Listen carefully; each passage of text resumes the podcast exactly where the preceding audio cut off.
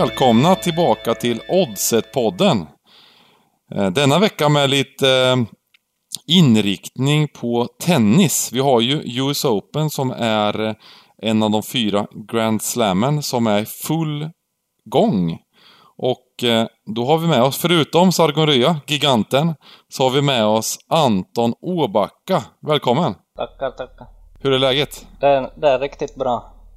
Kul att US Open är igång man har någonting till göra.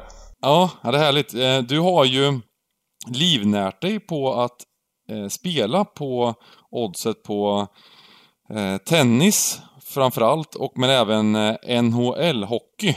Så att förhoppningsvis kommer du med oss lite när NHL sätter igång sen också. Jo, jag, jag är gärna med. Det stämmer bra att senaste tre åren, tre, fyra åren så största inkomstkällan har varit sportsbetting. Ja, och eh, Eh, vi kan ju nämna det också, ni som märker lite på accenten, att eh, Anton sitter i Vasa i Finland och eh, därmed får han inte spela på Svenska Spel. Men vi är ju som sagt sponsrade av Svenska Spel, den här podden, så vi förhåller oss till de oddsen och går igenom lite det utbudet så att säga. Men hur är vädret förresten i Vasa där? Det är nog 20 plus och soligt så riktigt skönt. Ja men det, det är som här också, riktigt eh, sensommarväder. Det blir lite bad här efter, efter podden. Hur är läget giganten? Jo då. Eh, det är bara eh, fint här nu. Jag, jag har dock åkt på... Vi fick ju otroligt fina eh, dagar här. Kanske årets finaste dagar. Otroligt varmt, upp mot 30 grader. Mm. Och, och, ändå då så åker jag på någon, någon förkylning här. Eh, märkligt kan jag tycka. Men det, det, är nog, det beror nog mer på det hårda jobbet eh, under förra veckan och helgen. Att vi, vi, ja men det är exakt. Vi tar ut oss så jäkla hårt alltså. Jag tror, att, jag tror också det beror på det, att det är kroppen som säger ifrån när du jobbar lite för hårt. Ja, men... Jobbar in matcherna lite för hårt. Så är det, så är det, så är det. Eh, men för att summera förra veckan då, så ehm, hade vi, nu räknar jag upp att vi hade 9 av 13 tror jag, 9 av 13 spelidéer. Det var Allsvenskan svek oss lite. Eh, och eh, ett viktigt spel för mig, Watford svek oss lite. Däremot hade vi, hade vi ja men det var fina idéer i övrigt. Dybban var het. Och vi satte även några lite högre odds, oddsspel, både med Reading och Eh, Liverpool bland annat, minus ett och ett halvt mål. Så att, eh, som var riktigt fina spel. Precis. Så vi, ja, vi, vi, har fått en bra start på Oddset-podden, men eh, vi, vi lovar ju inte någonting förutom att vi kommer få alla rätt den här veckan. Kan jag även poängtera att eh, norra England fick fira lite med den fina bortatriumfen som Newcastle tog borta mot Champions League-finalisterna Spurs. Ja. Det måste vi ändå få, få notera lite. Ja, jag var riktigt nöjd med det där eh, faktiskt. Det gjorde även att jag fick helt... Fick 13 rätt och fick bra utdelning på, på, på, precis, på precis. Europatipset. Precis.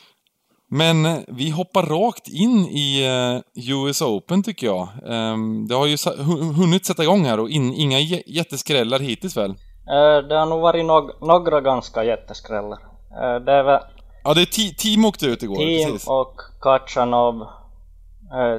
Något Tsitsipas var ju inte jätte jätteskräll men han åkte också ut. Att det, det har nog farit ut ganska många sådana här hårda spelare redan. Ja okej, okay. ja då... Eh, det är ju, I alla fall så är det de, de eh, giganterna, som man kan kalla dem, de tre stora. Ja, ja precis. Vi försvinner ingenstans i första hand. Nej, nej, nej, precis. Eh, och jag måste få säga när vi har Åbacka med oss att dessa Grand Slam, Anton. Ja det är ju, alltså jag tror att det håller på att bli, alltså för mig då som är stort fotbollfan. Men, men de här Grand Slamsen med, med Djokovic, Federer och Nadal i så många år. Var, alltså vilket, vilket, vilket, vilket evenemang! Jo, ja, det, det när, när, när Grand Slammen börjar. Alltså om det är US Open, Wimbledon, Paris liksom och Åsi det, det, jag tycker det är så sjukt stort eh, med, med, dessa tre herrar och det, det, de har levererat den här generationen. Ja, det, det är nog grymt att de håller sån nivå ännu i denna ålder. Att hur de här yngre inte klarar av, det är svårt att säga. Nej. Mm. Och eh, Djokovic är ju klar favorit till slutsegern. Eh, vad, eh, hur, vad tänker du om, om slutsegrar och så? Vad...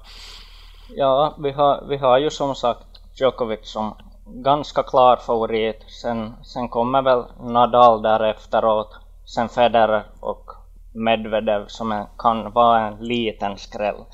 Om man kan säga som så. Och ja, vad ska man säga? Eh, Nadal har väldigt lätt väg till final så jag tror inte det drar ut på hans fysik så mycket att slippa dit att han kan ha bra chans att till och med ta hem titeln. Då Djokovic har på sin halva både Medvedev och Federer så det kan bli ganska tuff krigning där. Då Medvedev vann senast till exempel mot honom i förra turneringen. Och, och hans spelstil är ganska gift för Djokovic. Enda spelaren som lite kanske kan sätta emot honom. Förutom då Federer och Nadal. Men du, Federers chanser måste jag fråga om. Om man tittar liksom eh, den senaste Wimbledon-turneringen som, som var i Wimbledon. Eh, alltså, jag, jag pratar med en del kollegor som, som eh, är duktiga på tennis och eh, många experter. De framhöll liksom att det kan ha varit Federers bästa match i, i, i hela hans karriär. Ja, ja, inte kan man, kan man säga så mycket emot det inte. Han, det var ju nog, han, han överpresterade enligt statistiken i alla fall. Så det kan nog bra ha varit bästa matchen på väldigt länge i alla fall.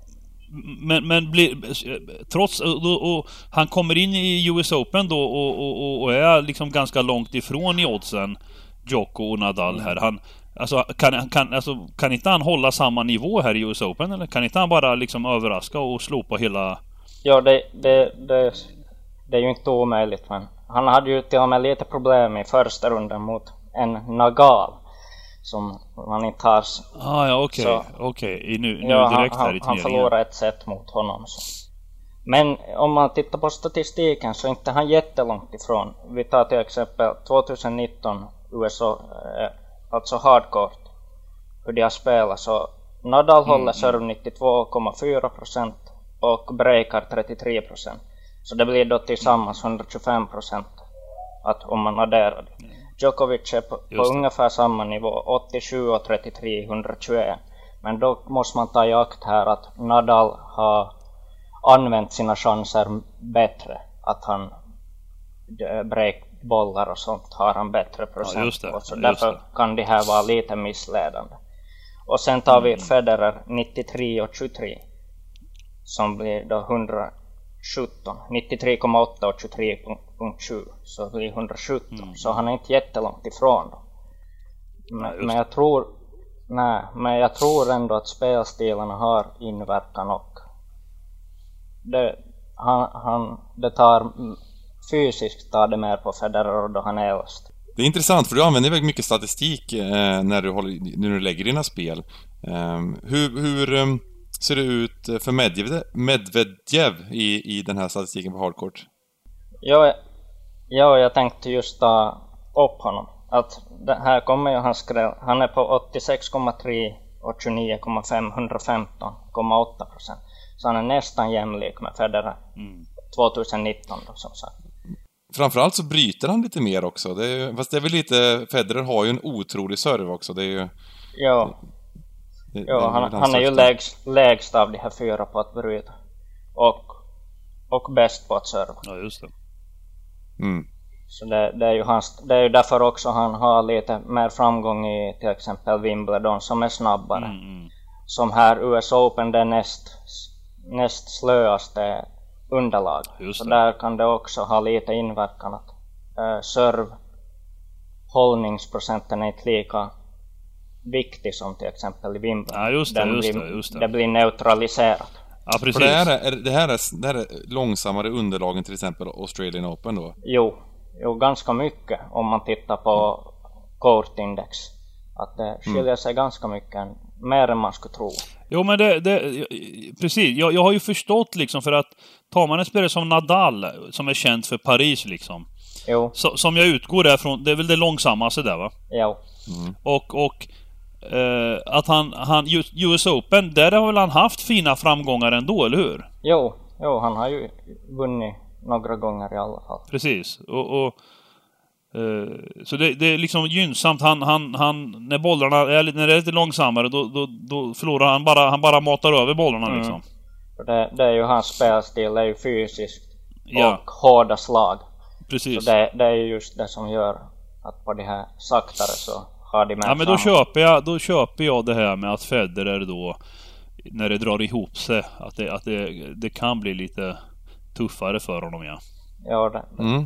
det kan Tre vinster har han i US Open, eh, precis. Och 2017 senast. Gentemot Australian Open som han vunnit en gång och det var 2009. Mm. Eh, mm, så att det är rätt så stor skillnad. Så det, det säger ju sig själv. Ja, och vad tror du om... Är det Medvedev som är den största skräll... Har den största skrällchansen då? Om du, skulle, om du skulle se några andra som skulle ha chans, vad, eh, vad hittar du då liksom?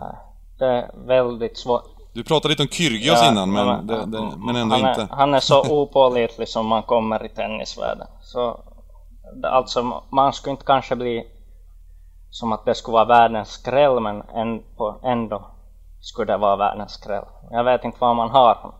Nej. Och han har inte alls bra statistik heller, men då han vill spela så han spelar ju nästan på samma nivå som de här.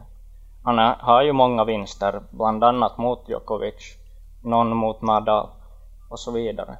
Mm. Och mot Medvedev. Så det är, han kan om han vill. Men det är my, mycket andra Mm. faktorer som brukar ha inverkan på honom. Lite hjär- hjärnspöken där. Det är, ju, Ja, det, vi, vi kan kalla det det. det är svårt att mäta det. Om man jobbar mycket med statistik som du gör, så just det här med hjärnspöken är inte lätt att mäta liksom. Nej, nej, nej, det är absolut inte lätt. Att man, man måste ju alltid ta med en nypa salt de här statistikerna. Bäst blir det ju om man ha, håller de som ett litet underlag och börjar fundera att vad har de för inverkan på vilket vis och, och så vidare. Då kommer man ju ut till det bästa resultatet. Nej, precis. Så det, man, det, det är precis det är lite som vi brukar, brukar snacka om även i fotboll, att statistik är bra, men man ska ha det som ett hjälpmedel, ett, ett kraftigt och bra hjälpmedel, men, men, Ja, precis. men att man inte bara går på det här, liksom. Jo. Med blotta öga så kan det lura en ganska ofta att man, man får inte in i hjärnkontoret alla matcher man har sett så lämnar det bara några bollningar och så vidare. Att man får bättre exempel att titta lite på statistiken i längden. Ja, visst. Nej, men eh, jag tycker det kan, det kan vara lätt att spela, att bli lite för sugen på, för att använda sta- statistiken. Eh, men eh, Mm. speciellt när man är sugen på en sida, då, då kan man vända och vrida på statistiken lite hur man vill. Ja, ja, ja, det, Ja. det får man vara Ja, försiktig precis. med också. Använder den, den, den, vissa delar av statistiken som passar in till ens egen, egen tanke. Där. Ja, Ja, ja precis. Man ser, ja.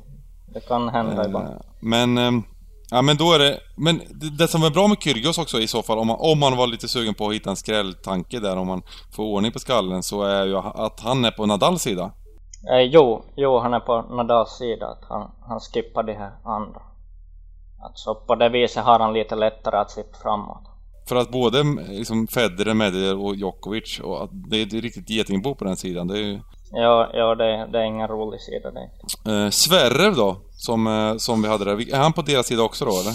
Eh, han är på Nadals sida. Ja. Och ha, han, han har nog varit riktigt kall, Mm, kall senaste månaderna. Jag vet inte vad som är där. Det är säkert några utomstående faktorer också. Mm. Att han har ju inte fått igång sitt spel alls. Spela en femsetare i natt också. Det, det Mm. ser ju inte lovande ut. Nej, han var ju den, den, den, next one lite sådär. Han skulle komma upp Ja.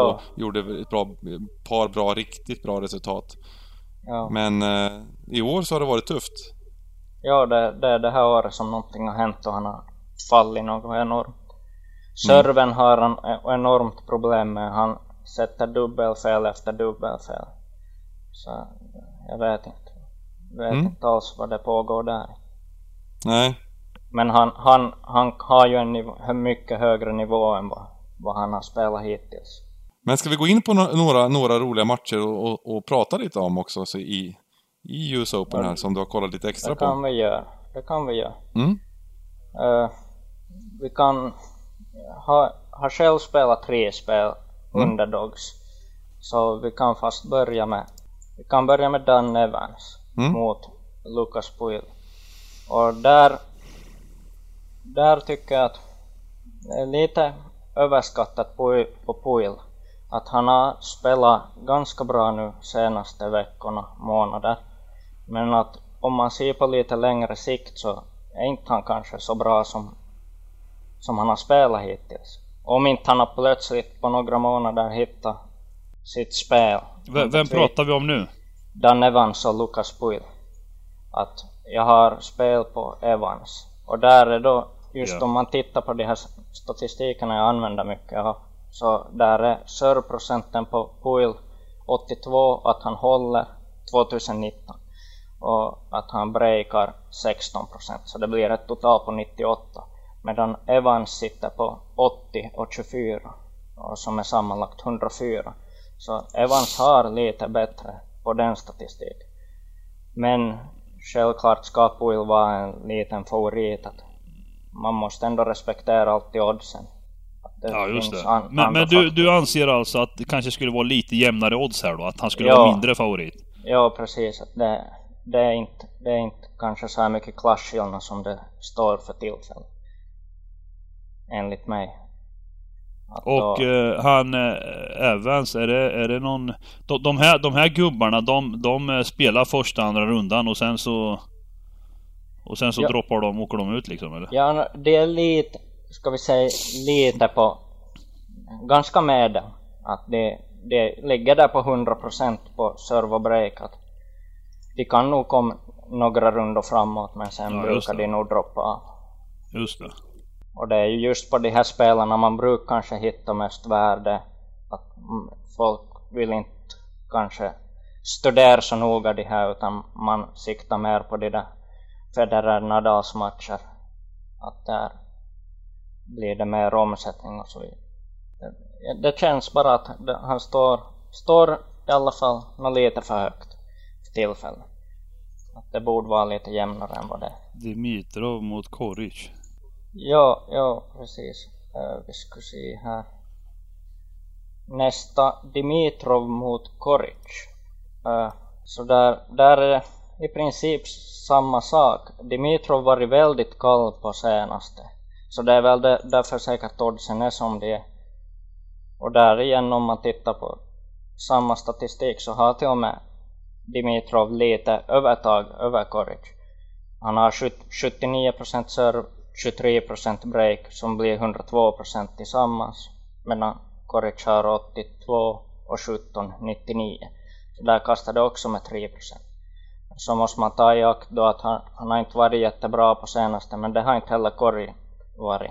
Så. När går den, när går den här den, matchen? Imorgon klockan 03 står det, alltså 03 natt. Idag? Det, Okej, okay, ja. imorgon ja. Okej, okay, då är jag med. Då är jag med. Ja, det är väldigt svårt med de här tiderna och US Open då de skjuts upp hela tiden.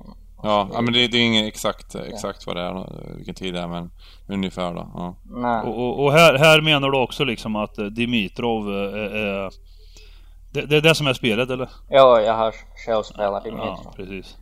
Um, ja men det, det, vi, vi snackade om ett, en annan grej precis innan det här med både det här med statistik men även um, så kan det ju ske saker som man måste hålla, hålla ögonen öppna. Du, jag, jag um, när Team åkte ut så, så, så berättade ju han på en, var det inte en presskonferens han berättade om att han var skadad innan? Det, det var inom, jag tror det var någon privat intervju eller någonting. Ja, just det. Som, som råkade kom, kom upp då framför en så pratade han om då att han har något fel, att han, han klarar inte av att vara fysisk. Att han kommer försöka att göra sitt bästa för att göra korta bollar. Mm. Om man vet team så han smäller på allt vad han orkar och att börja med korta bollar kan antingen bli helt katastrofalt mm. eller ganska lyckat. Mm. Och så, ja vad var det annat? Och då stod, han, då, då stod hans helt... motståndare in i eh, över sju gånger efter en... Ja, Fabiano. Fabiano precis. Så han har ju, Team har ju en, ett enormt övertag över Fabiano mm. på alla plan. Men då, då han kommer ut med det där och då man vet att Team är ganska ödmjuk, han inte, inte något extra drama så säger han ofta som det är. Att då ansåg jag att det, det kan en av sju gånger vinna Fabiano i det här skedet. Spelar vi då lite på den. Det gick nu denna gång väg. Ja men exakt. det finns ju de gångerna där det inte riktigt går vägen. Jo, precis. Men det räcker med att den sitter en gång av sju också för att... Ja, eh, ja, mer än en precis, gång av sju för att det ska vara ett bra spel. Ja. ja, det är ju det som räknas. Och, eh, nej men det, det, är så intressant det där just med skadeinfo, för det kan både vara... Ibland kan det vara så att då påverkas ju oddset eh, utav det och väldigt ofta. Och eh, ibland så stämmer det Ja. inte till 100%. Nej, nej precis. Att man, om man, som det här råkar vara att det kom framför mig eh, i samma minut nästan som det hände. Mm. Alltså han sa det så då hann jag i god tid att det sjönk ju oddsen ner till sex Mm. gånger, fem gånger efteråt. Men i många fall så finns det sådana som säger kanske att vi inte är riktigt skick bara för att göra en mjukare, mjukare landning för sig ifall, Mm. ifall det inte riktigt går deras väg. Precis. Fa, fast, fast de inte kanske är jätteskadade egentligen. Djokovic var ju lite känd för det där tidigt i karriären av att eh, han tog lite såna här eh, skadebreaks och eh, verkade, verkade som han skulle liksom gå under för att komma tillbaka och spela bättre än någonsin. Ja, ja, ja, han var länge borta där. Ja. Men han, han, han, han tog in trainern och han larvade sig på banan. Jag vet att jag har lurats flera gånger utav det där och, och sen bette jag på den andra Mm. Ja. killen. Eh, Ja. Och sen så kom han tillbaka och bara körde över liksom på... Ja, ja, precis. Ett annat exempel är Raonic. Han brukar ganska, ganska ofta ta medical timeout. Men Ja. han har lidit av mycket skador. Men han är ofta sån som tar medical timeout. Och så presterar den ändå lika bra som han gör. Mm. Så det, man måste man måste alltid ta en liten, med en liten nypa salt de här in, informationen och fun, funderat hur mycket kanske det stämmer och så vidare Mm. Om de har backtracking på att de har haft förr skador. Mm. Det, här var, det här var också en skada som har pratats om några veckor men man visste inte hur allvarligt det var. Nej. Eller var det något virus, någonting i alla fall så han, man såg på honom direkt då han klev in att han kommer inte ork, ork riktigt med. Att hans, hans kropp var trött på något vis. Så det kanske var något virus eller någonting sånt. Mm. Ja, men det, det, det är just det där att ha lite koll på vilka. Nadal är ju likadan också. Han, han, när han säger, när man märker på honom att, det, att, det liksom, att han är skadad, då är han skadad på riktigt. Pre precis. Han har, han har väl dragit ur sig en gång ur en Grand Slam. Mm. Ja men precis, och då, då var han liksom då, då var det slut, då kunde han inte, kunde inte Ja. röra sig på banan ett steg i Ja, princip. ja pre precis. Annars tar han nog före. Det gör många, de här. Mer, man respekterar mer de som kanske kliver före. De kliver in på banan och sen. Ja men precis, att de, att, de, att de inte går in på banan överhuvudtaget när de skadade Ja, ja precis. precis. Det, det är ju lite väl onödigt. För det är, det är lite oroligt det där just när man, just tennisbettning, att det är så mycket skador. Speciellt i Grand Slam så har det, ju, har det varit ganska utbrett där, eftersom nu är, nu är sporten så otroligt fysisk. Jo, Fem set då. Och eh, Mm. många spelare åker ju dit för att de har en plats och bara att ställa upp så får de någon milla i princip. ja, ja. Eh, och det vill man inte säga typ nej till. fem- 50 000 dollar så det är väl ganska svårt. Ja visst, en halv mille för att bara ställa upp. Och vinner man någon match Mm. då liksom så... Så att det kan ju vara även fram till andra, tredje rundan så kan det vara halvskadade gubbar då som liksom... Som ändå är Mm. med. Men, men det var väl, var det, det var väl en större debatt kring det? Hur de skulle liksom... eh, För just för att eh, många som var kvalificerade för USA, eller för Grand Slams, eh, trots att de eh, var skadade så åkte de ändå och tog liksom... Eh, de åkte dit och, och eh, bröt första matchen typ för att de var skadade Mm. liksom. Jag vet inte, gjorde, vart det någon, någon som vet om det vart någon ändring kring det där? Alltså hur man skulle... Nej, inte vad jag har hört. Det kan nog hända att det har blivit någon, någon ändring. Jag tycker nog, Ja, tycker men- nog det pågår ännu.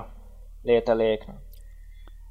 Precis. Senast i natt, Karlovik, han bröt, bröt av matchen i, då han låg under 2-0 och han lutade på knäna redan i, efter två game.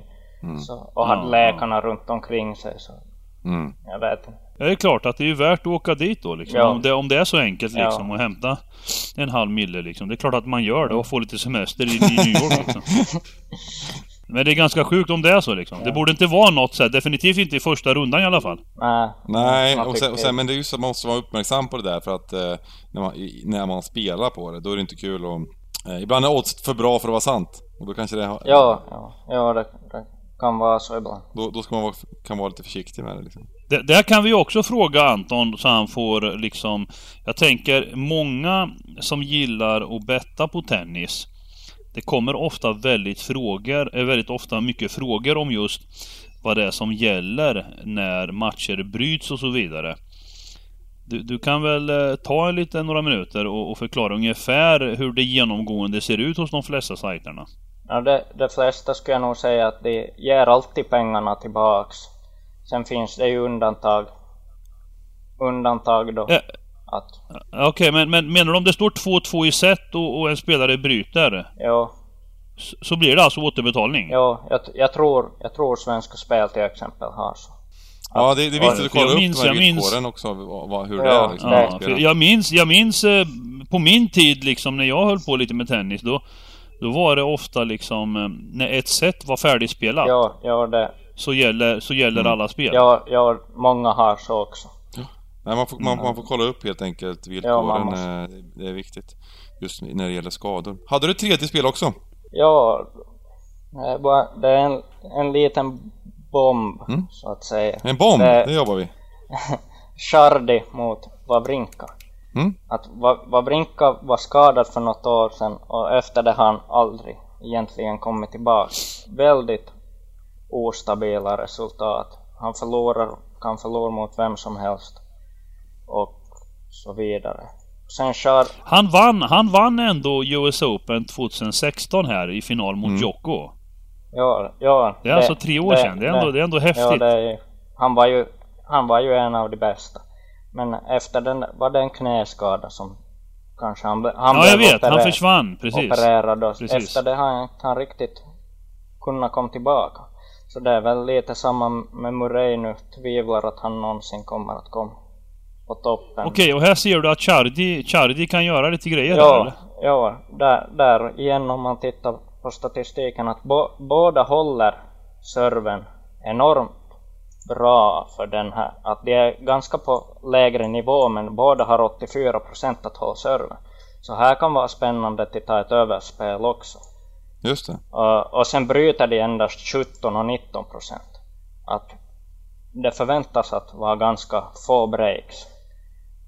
Att de är ganska stabila på det viset. Så.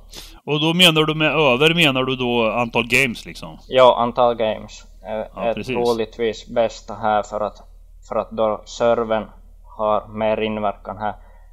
Annars skulle set vara bättre om de har lägre servhållningsprocent för det tiebreaks kommer in och då blir det fler game för att det är bättre server. Men om det är sämre server så blir det mer breaks och då är tiebreak mer osannolikt. Ja, ja. Så ja. därför kanske att över games är bättre i detta scenario. Men även då att Chardy kan eh, skrälla till det här? Han, han, han har ganska bra chans till och med att skrälla. Enligt mig så. Om man vill ha en, en bomb till kvällen, natten så där kan finnas någonting till titta på. Ja, det låter ju... Den här matchen, är, den, den här matchen är ikväll också? Ja, alla är ikväll eller natt. Så den här spel gillar giganten? ja, jag, jag tror vi alla gillar dem. Aha. Ja men det är intressant. Det får bli en liten, eh, en liten natt, eh, nattspela efter, eh, efter Champions League. Fast den här, den här börjar samtidigt alltså? Ja, fast det, det där vet man inte riktigt med, med, med ah, okej, okej. Okay, okay. det, det, är preliminärt ja, precis. Ja, det är lite preliminärt det. Ja.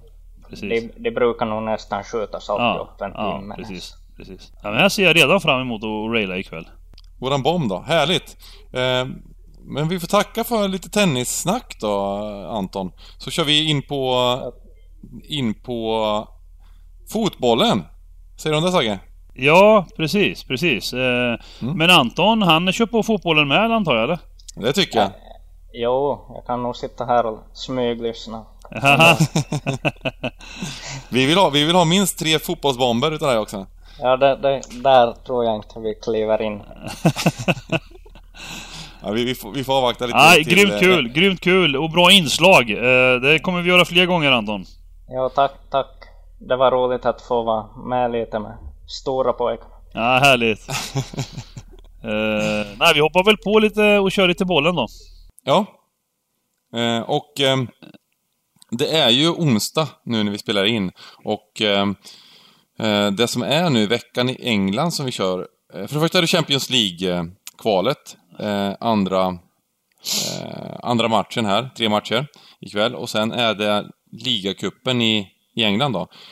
Så att, men, men ligacupens första omgång Ja, är det första eller andra gången som de får komma in i? Det är i alla fall första ja, alltså det är, Premier League, det är Premier Leagues första runda som, som Premier League kliver in.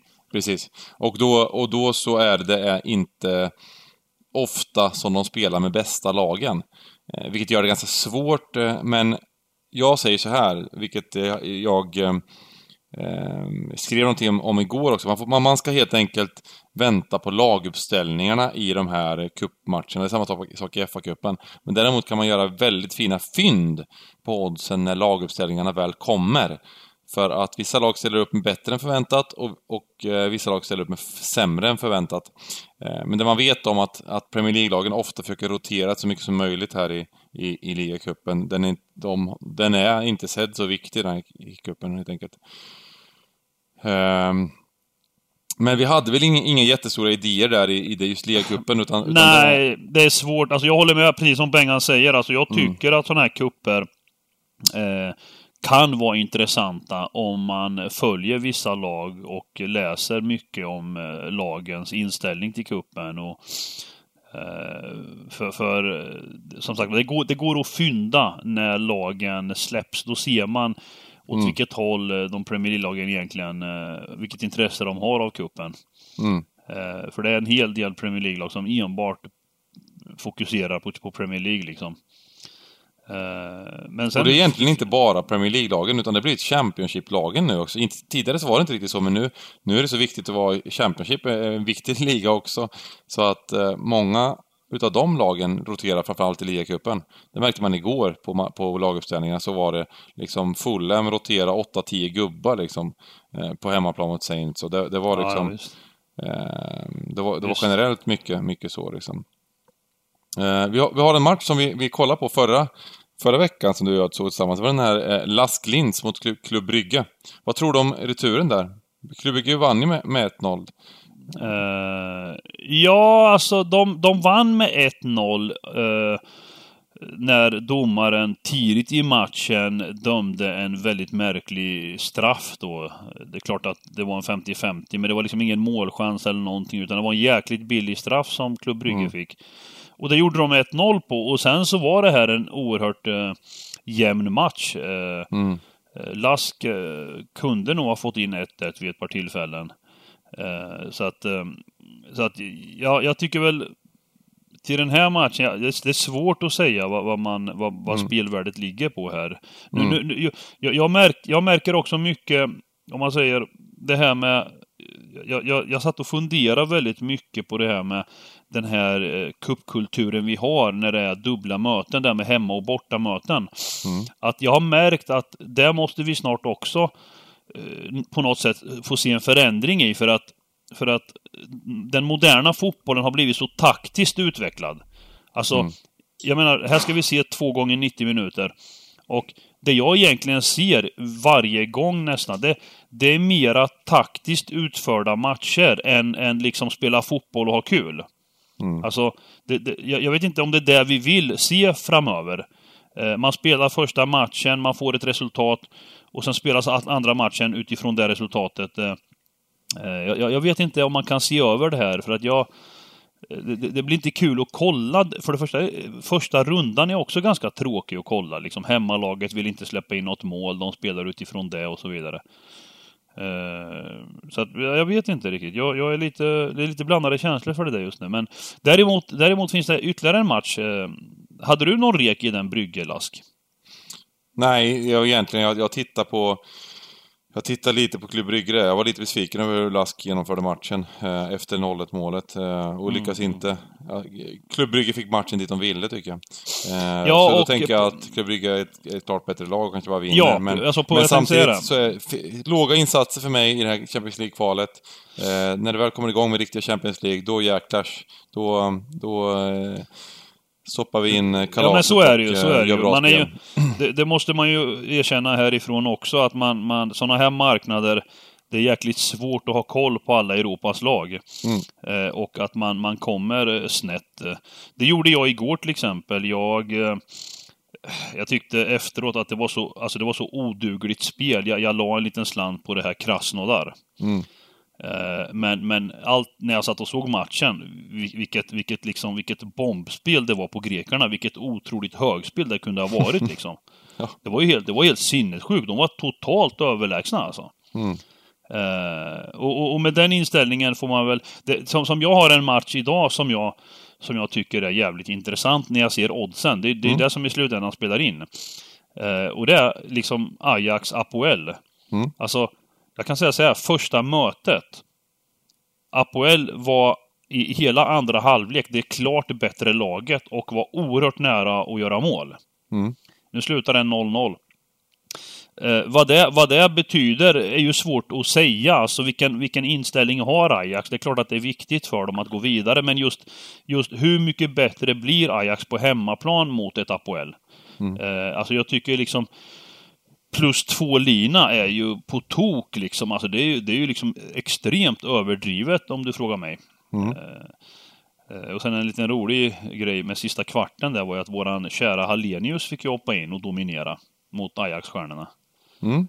Det var lite roligt. Nej, men pl- plus två med, med den inställningen som, som Bengan då eh, säger. Mm. Man får hitta något handikapp på plus, jag vet inte. Plus, Plus plus, en halv, plus två och en halv. 2,37 här. Det kan ju vara intressant, ja precis. Eh, precis. Eh, för att ja, jag tyckte de var bra. Och det, det, det är inte svårare än så när man får sådana handikapp liksom. Det, det, Mm. Spännande. Ehm, det är väl om dagens va? Bra, men vi, vi, det, var lite, det var lite om Europa här. Jag tycker, vi tycker att det är lite lurigt de här matcherna. Och det är samma sak, jag kollade, jag kollade lite på plushandikapp mot Malmö också. Det är lite samma sak där. Att, att eh, jag tror inte att, nu vann Malmö med 3-0, men det var samma sak som senast, de, när de, när de vann stort.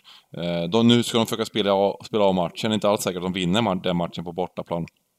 Ehm, det är bara ta små tankar man har som jag inte vill eh, lägga upp som någon slags... Eh, men jag tror man... Det, det, det är dubbla möten och... Eh, det gäller att kolla första, första matcherna och sen så då får lagen spela lite på resultat också. Eh, men som sagt, de här kvalen är luriga. Eh, så jag tycker vi hoppar rakt in på, på helgens... Eh, eh på helgens matcher och då, då, då har jag ett par idéer i Premier League. Eh, och... Eh, jag hoppar rakt ner här skulle jag vilja säga till... Nu ska vi se här. Eh, Burnley-Liverpool, 18.30 matchen. Ehm, och ehm, där tycker jag att Burnley till plus... Burnley plus ett och ett halvt mål. Alltså, de får förlora med max en boll och då vinner vi spelet till 1,91 här på Svenska Spel. Det, det, är ett, det är ett fint spel till ett okej odds. Ehm, jag, jag är imponerad av det här Burnley. Nu, nu gjorde de en jättefin match borta mot Wolves. Var värda tre poäng tycker jag de nästan var. De fick en straff mot sig på, på, i 95 minuten. Som eh, förstörde våran stackars eh, Europatipsutdelning som skulle blivit mycket bättre annars troligtvis. Eh, men eh, de, de har verkligen gjort det mycket bättre. Och Barnes är superhet på hemmaplan. Eller ja, överlag är han het. Eh, och gjort fyra mål nu. Ehm, nästan lika många som eh, Pucki. Eh, men jag tycker bara att oddset är för lockande här. Eh, mot ett Liverpool som absolut... Eh, de gjorde en superinsats nu mot, mot Arsenal och visar verkligen att de är... Att de är klassen bättre. Vi hade ju spelat dem också. Eh, Men de här bortamatcherna i Premier League, de är inte lätta och, och Burnley är ju ett erkänt starkt just hemmalag. Eh, och här tror jag att det blir lite svårare än eh, vad oddsen säger bara för Liverpool. Eh, plus ett och ett halvt mål, 1,91. Vad tror du om det Sagge? Jo, jag har inga invändningar. Jag tycker också att eh, det blir lite, återigen det här med City och Liverpool, att de vinner matcher på löpande band, det är en sak. Men, men när priserna och, och, och de här handikappen börjar liksom, även på hemmaplan då för, för motståndarna bli, bli sådana linjer som Mm. plus en och en halv och grejer, då, då tycker jag att det, det går inte att göra annat liksom. Alltså, det, det, det folk ofta glömmer är liksom att det, det är ju bara att ta ett exempel nu senast då, Spurs mot Newcastle. Alla förstår ju att Spurs är klart det bättre laget och all statistik eh, talar för Spurs och så vidare. Men, men att kliva ut och göra två mål fler än motståndarna, det, Mm. det är tufft i Premier League. Eh, eh, Det är väl City som ganska frekvent kan göra det, men, men där, på dem får man ju inte ens liksom, då är det, då är det ju ännu tuffare linor. Ja, det är minus två och en halv istället och plus två och en halv. Ja, så att, så att eh, med, med, det, med det stabilitet Burnley har visat i samtliga matcher också. Alltså de, de, Mm. de står upp bra mot, mot även etablerade tunga Premier League-lag. De, de bjuder Mm. upp till dans, eh, organiserat lag och... Nej, jag tycker de har öppnat bra och de, de är definitivt eh, värda plus en och en halv i en sån här tillställning. Mm. Ehm, härligt. Och eh, sen har jag även ehm, ett spel på söndagen här. Eh, jag, jag kollade lite samtidigt på, på Wolves hemma mot Torino. Jag tror Wolves har bra chans att vinna mot Torino hemma. Det är en vikt, extremt viktig match för att komma till... till eh, eh, de vann första matchen, men de, de, jag tror de har bra chans att vinna andra, andra mötet också. Till ungefär 1,90 tror jag det var, men, men, men jag, har inte- jag har inte gått igenom den matchen 100%. Jag tycker att det är lite svårt också med de här dubbelmötena som jag sa innan. Men däremot så, så, så, så tar jag istället position emot Wolves här på, på, på söndag. Eh, Jag tycker att Everton 2,22 eh, hemma eh, är ett lite för högt odds. Ehm, nu har Wolves, eh, det har man märkt, det märkte man också senast här mot Burnley, att de har ett extremt tufft, att haft det här tuffa schemat. Och eh, de var inte bra mot, mot Burnley överhuvudtaget. Eh, Och eh, det har varit historiskt tufft för de här mittenlagen att spela i Europa League. Det, har inte, det funkar inte att dubbelmatcha helt enkelt. Eh, nu får vi ett ganska lockande odds tycker jag på hemmaplan. Eh, på ett Everton som inte har varit jättebra hittills, det måste vi, det måste vi ändå tillägga. Men eh, de har en hög potential och eh, jag tror att det är ett bra läge att möta Wolves och ett eh, fint odds. Mm. Du är, inte riktigt, du är inte riktigt lika övertygad, eller? Jo då, Everton menar du? Mm. Absolut. Jag, Mm. jag, jag, jag tycker eh, att eh, Wolves alltså har haft en period av eh, dels ett jäkligt tufft spelschema och eh, det har ju varit på väg här. Redan nu i helgen skulle det ju kommit en reaktion. Nu fick de en straff eh, i 90 Eh, och, och återigen lyckas, lyckas knypa kryss då och fortfarande vara obesegrade i Premier League efter tre oavgjorda. Mm. Eh, Men, men eh, jag tror att efter Torino-dusten här nu på torsdag mot ett utvilat Everton till helgen på bortaplan. Mm. Eh, sa- Samtidigt som jag då tycker att Wolves i, i, i både mot United och nu senast mot Burnley, man ser att det finns potential i det här laget, men, men Mm. de har inte riktigt kommit upp i den nivån vi fick se dem i förra året Nej, i nej. flertalet matcher. Inte Och- och, och eh, med det sagt så tycker jag liksom att just Evertons pris just nu eh, är lite för högt alltså. Ja. Jag, jag tror helt enkelt att det, det kan vara ett bra spel på Everton här. Jag tycker det även i andra halvlek mot Villa. 2-2. I andra halvlek mot Aston Villa att eh, de visar en... Eh, ja, visar att de kunde anfalla på, ett- på ett trevligt sätt. Everton. Ja, ja absolut. Och, och, och okej, nu förlorar de den matchen, men, men samtidigt, jag, jag tror att Everton är ett lag som är på väg att växa. Jag, jag, jag vill tro det i alla fall. Eh, Mm. Eh, Och jag tycker att det är ett perfekt läge helt enkelt att möta, att möta Wolves med det här ja, laget. precis. Eh, och, och egentligen ha laddat hela veckan för en, för en superviktig match. Medan Mm, Wolves mm, kommer vara... De kommer troligtvis gå till, till, eh, till slutspel här i... Till gruppspel i Europa League och... ehm, men kanske är lite småslitna. Snyggt! Ehm, och ehm, nu ska vi se här om... Jag hade något spel till i... i jag hade lite tankar på Chelsea mot Sheffield United. Eh, lägger inte upp den. ehm, men ehm, hade du någonting i Premier League? Ja, jag kan. Jag, jag, jag är envis alltså. Jag, jag eh, kan eh, reka denna match. Alltså jag, jag, jag fortsätter alltså gå emot eh, Norwich. Jag, jag eh, tror bara att de, de har för dåligt försvarsspel totalt sett och, och eh, Mm. eh, ett, ett, nu, nu är det för tidigt att, att, att, att säga hur bra West Ham är. Men jag tycker ändå, nu fick de igång deras nyförvärv från Frankfurt, Haller. Han gör två mål direkt. Mm. Jag tror det var hans första start. Mm. Eh, mittfältare som Jarmolenko, Lanzini, Andersson. Alla spelar från start. Eh, nej, men jag, jag tycker att West Ham eh, det, det, är ett eh, upp och nerlag, men, men hemma mot Norwich, drygt 1,90. Jag, jag vill ändå ge en liten rek på den. Jag tycker det är häftigt en sak. Jag, jag tror att eh, en grej som man ska passa sig lite för, det är alltså eh, de här två lagen har varit helt sjövilda, bägge två. Det har bara, det har bara ös chanser till höger och vänster och, och Norwich försvar, som du säger, är ju under all kritik. Men nu, nu börjar vi snacka om att det blir tre och en halv linjer och grejer. Eh, jag tror att man ska passa sig lite för att spela över till de här oddsen som är nu. Eh, och kanske i så fall så, ja, kolla på andra sidan och spela under i sådana fall. 2,70 på under 2,5 har vi här på Svenska Spel. Det är ju liksom, det är ju ett sinnessjukt eh, högt odds. Eh, det är inte alls säkert att det blir sån glad fotboll som vi är vana att se eh, de här två lagen spela. Eh, så att jag, ehm, ehm, ja, om du, om du ser rak etta så, så, så funderar jag på Eh, att spela under då, antingen 3,5 till 1,70 eller under 2,5 till, 2, till 2,70. Eh, så, så får vi hoppas på 1 eller 2-0.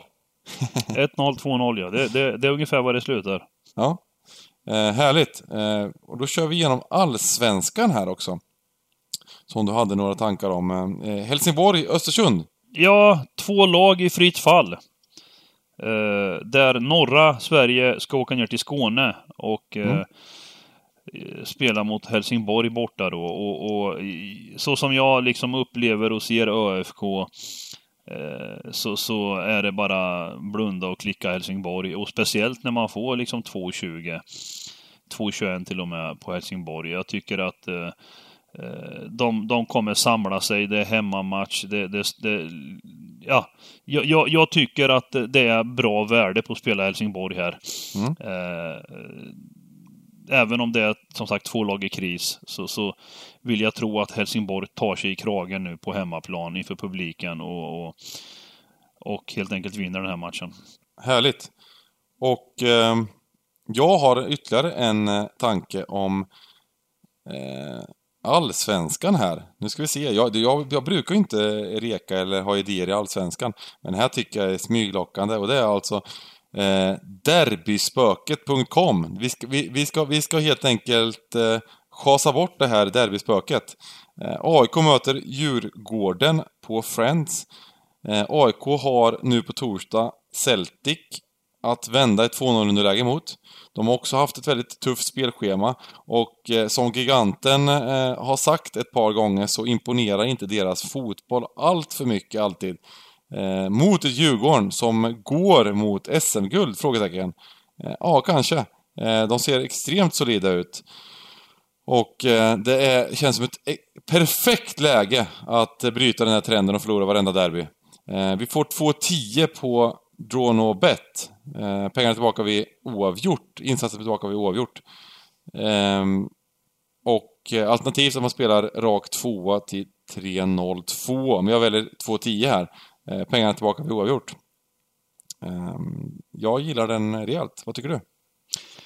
Ja, alltså jag, jag har inget att invända. Jag tycker att eh, sedan x antal veckor tillbaka så, så rekade jag Djurgården att eh, vinna SM-guld efter att ha sett dem en hel del och att eh, det är ett oerhört starkt lag i, i samtliga lagdelar och, och då skulle de ställas på prov eh, i, i förra omgången då borta mot Malmö FF.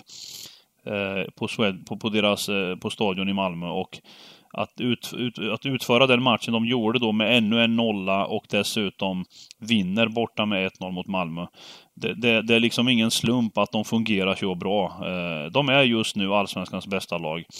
Och, och eh, eh, jag tycker det är en spännande rek. För jag tror alltså de är de, de, de har helt annat självförtroende i laget, en helt annan pondus. Mm. Eh, det här med Friends, åka till AIK, har ju tidigare varit så här att det kanske är en av de svåraste, tuffaste bortamatcherna. Och, och det är klart att det är ingen lätt match att åka dit och, och, och hämta tre pinnar. Men, men det, AIK är inte där AIK var för ett år sedan. Eh, de, de har inget självförtroende. De, åker ut ikväll med dunder och brak mot Celtic. Eh, eh, eh, sen, sen på något lustigt sätt så poängmässigt har de ju ändå kontakt. Mm. och det är ju frågan om de kan hitta en växel till. Men, men ihop med Norling så tror tyvärr inte jag det. Så att, nej, nollboll, helt okej okay på Djurgården. Ja, jag gillar att du håller med om mina spel. Jag brukar inte göra så ofta. Nej, men nu Oftast tycker, jag att det, du, nu tycker jag att du rekar lite åt gigantens håll, så att... då blir det lite... Oftast, oftast håller vi med varandra, men det händer att vi... Ja. Ja. Men det är bra, för, då- för då, då lyckas man... Det är faktiskt väldigt bra att diskutera matcher på det här sättet, för då, då kommer man fram till olika... Man går framåt och eh, eh, får en större insikt liksom i, i hur man tänker och eh, Ja, det är klart, och så det är klart. Det är vi- viktigt.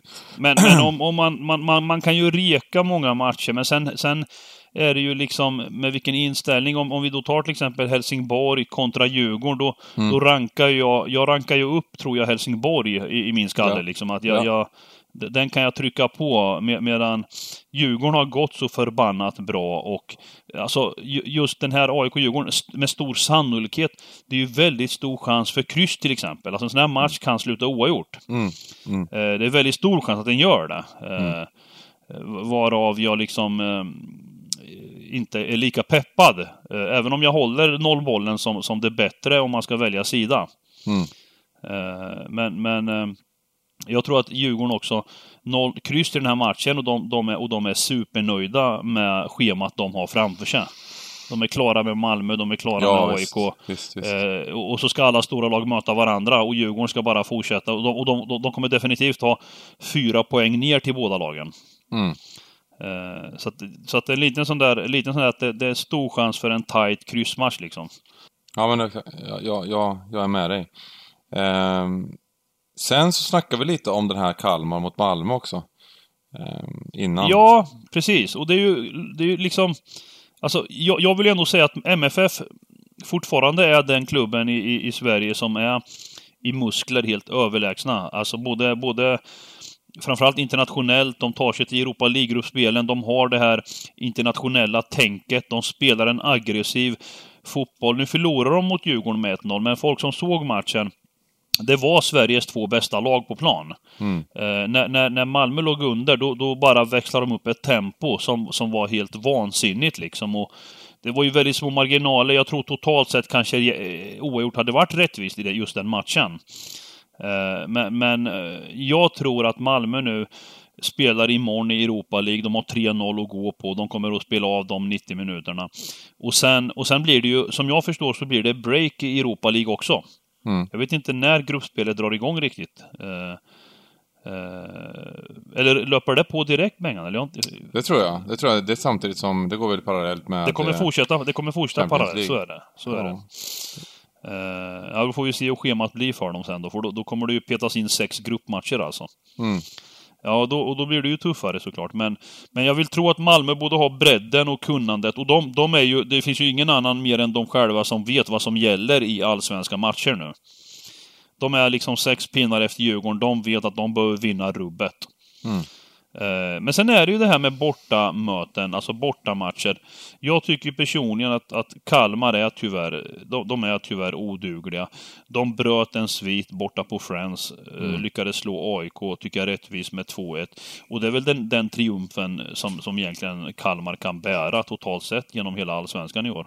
Mm. Eh, För att, för att direkt efter skämma ut sig totalt i, i, uppe i Göteborg. Mm.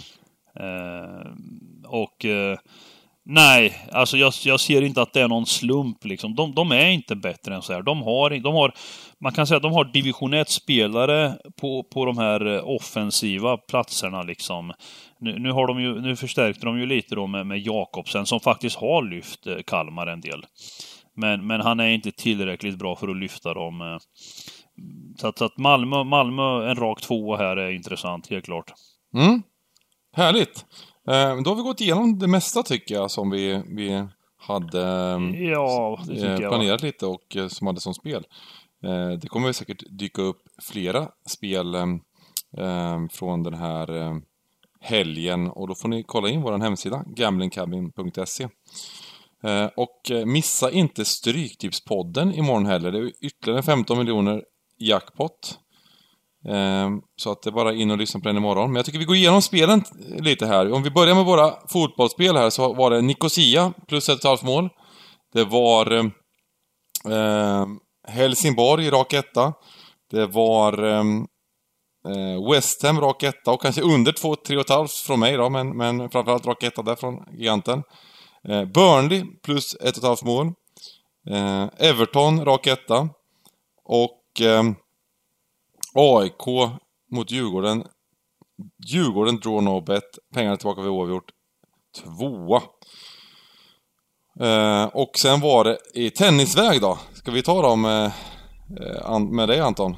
Jo, det, det var... Eh, vilka var det nu då? Det var Evans, Daniel Evans. Eva, Evans, Dimitrov och Shardy. Sen får man göra sina egna beslut då. Göra lite egna analyser vad man tycker. Absolut, absolut. Eh, och eh, Chardy var ju lite över tanke också kanske med, med, med, med gemen där. Ja, ja, ja, det, Eh, ja precis. Härligt, härligt. Eh, vi hoppas på att eh, ni eh, har flyt med era spel helt enkelt under, under helgen. Så på återseende nästa vecka. Absolut. Lycka till allihop. Lycka till! Ha det så bra! Hej. Hej. Hej!